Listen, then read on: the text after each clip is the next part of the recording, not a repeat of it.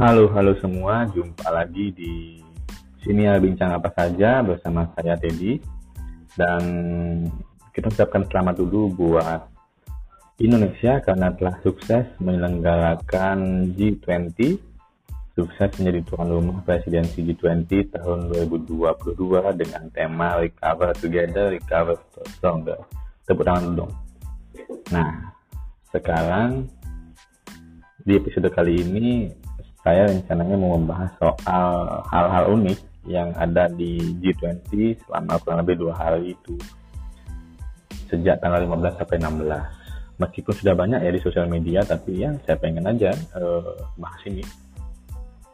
Oke kita mulai. Jadi G20 atau Group of 20 merupakan forum utama kerjasama ekonomi internasional yang beranggotakan 19 negara dan satu lembaga yakni Uni Eropa. Kelompok ini, G20 ini merupakan representasi dari 60% populasi bumi, 75% perdagangan global, dan 80% PDB dunia. Dan pada G20 tahun ini ada tiga isu krusial nih yang dibahas. Pertama adalah transisi energi berkelanjutan, kedua adalah transformasi digital, dan terakhir atau yang ketiga itu adalah arsitektur kesehatan global. Oke, mari kita mulai hal-hal menarik yang terjadi selama G20 berlangsung di Apurwa Kempinski, Nusa Dua Bali. Yang pertama, dari 20 negara G20, ternyata ada tiga kepala negara yang tidak bisa hadir dalam perhelatan G20. Siapa saja? Yang pertama tentu saja Rusia, yakni Vladimir Putin. Entah apa alasannya, tapi banyak mengatakan ini ada kaitannya dengan konflik dengan Ukraine, dengan Ukraina, sehingga Vladimir Putin memutuskan untuk tidak berangkat dan mendelegasikan Menlu kalau nggak salah. Meskipun menlunya meskipun delegasinya ya delegasinya pulang lebih awal. Kemudian Meksiko yakni Andres Manuel Lopez Obrador kalau Opung Luhut bilang sih memang presiden Meksiko ini jarang banget bahkan tidak pernah keluar dari negaranya sedangkan Brazil Jair Bolsonaro itu sedang ada proses suksesi atau trans transisi lah ya transisi kepemimpinan karena Brazil baru saja menyelesaikan pemilu. Oke, lanjut yang kedua itu adalah Perdana Menteri Kamboja Hun Sen batal hadiri KTT G20 karena positif COVID setibanya di Bali. Sayang sekali ya. Padahal G20 ini megah, mewah, dan begitu banyak peluang yang bisa dihadirkan yang bisa diambil dalam perhelatan G20 ini.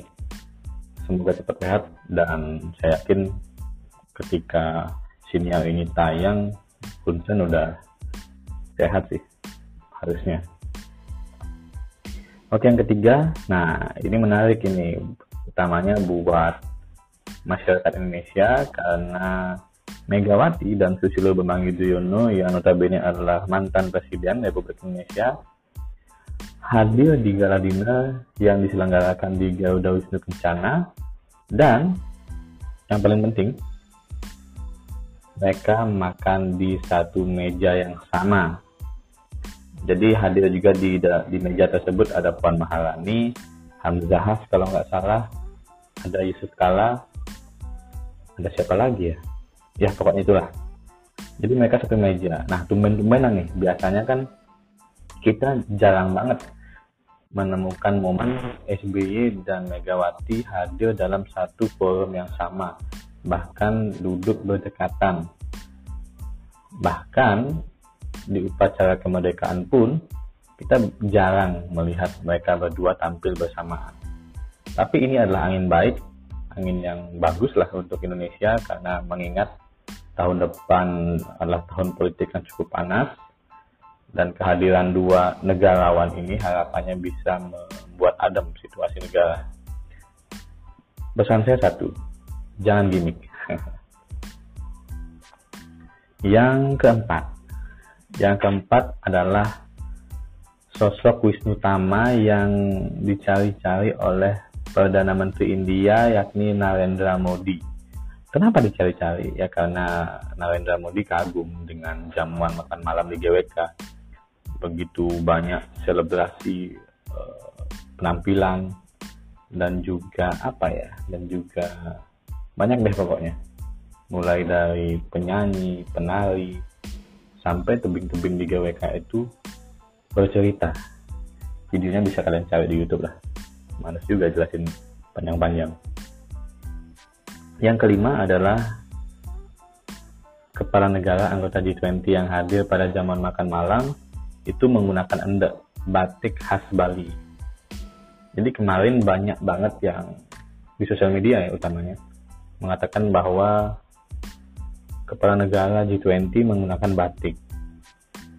Jadi kemarin saya lihat juga di Instagram Pemprov Bali ada semacam klarifikasi ya. Saya membacanya itu klarifikasi, nggak tahu teman-teman jadi ini semacam klarifikasi bahwa endek dan batik itu beda.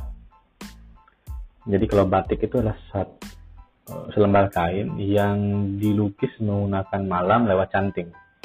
Sedangkan endek itu adalah semacam rajutan benang-benang lah yang disusun sedemikian rupa sehingga membentuk motif.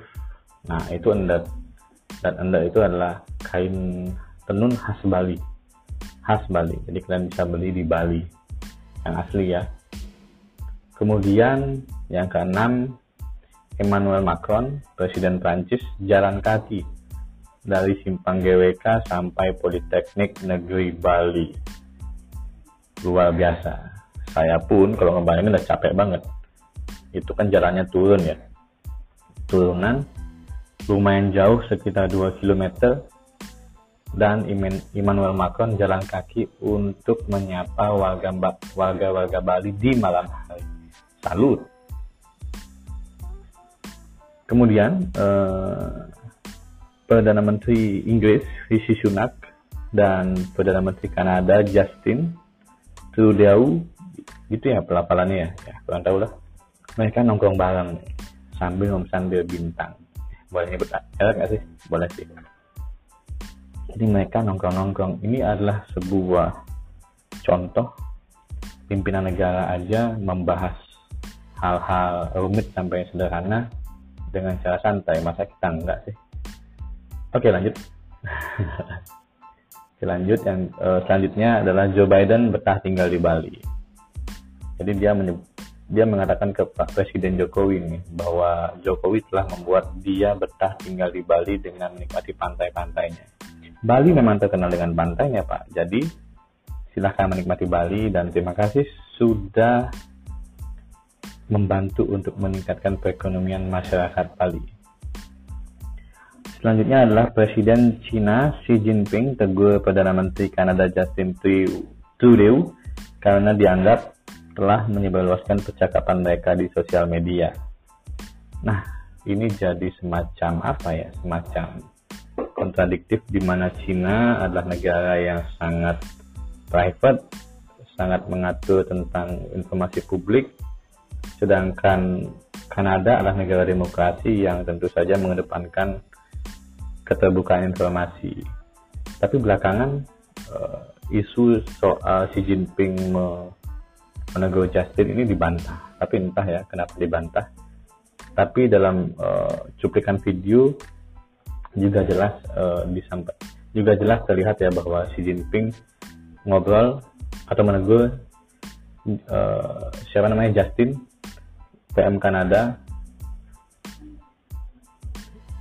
terkait dengan ini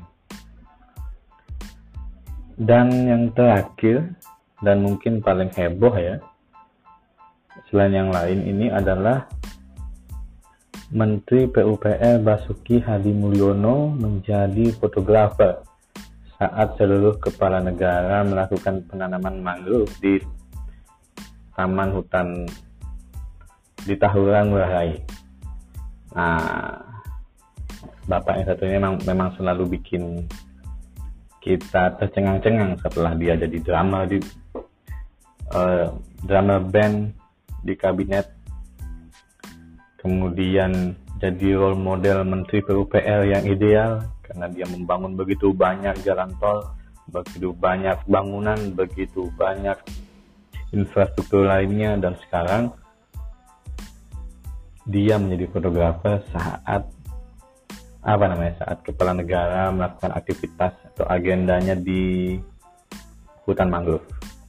Salut buat Bapak. Jadi itu hal-hal menarik yang terjadi selama presidensi G20 di Bali pada tanggal 15 sampai 16 November 2022. Saya ucapkan selamat sekali lagi kepada Indonesia karena telah sukses menyelenggarakan presidensi G20 dan harapannya sih presidensi G20 memberikan dampak yang bagus yang luar biasa bagi Indonesia utamanya dapat berdampak langsung buat masyarakat. Nah, Gimana teman-teman? Apakah kalian punya pendapat? Kalau punya pendapat bisa di-sharing ya. Sampai jumpa di sini ya bincang apa saja episode berikutnya.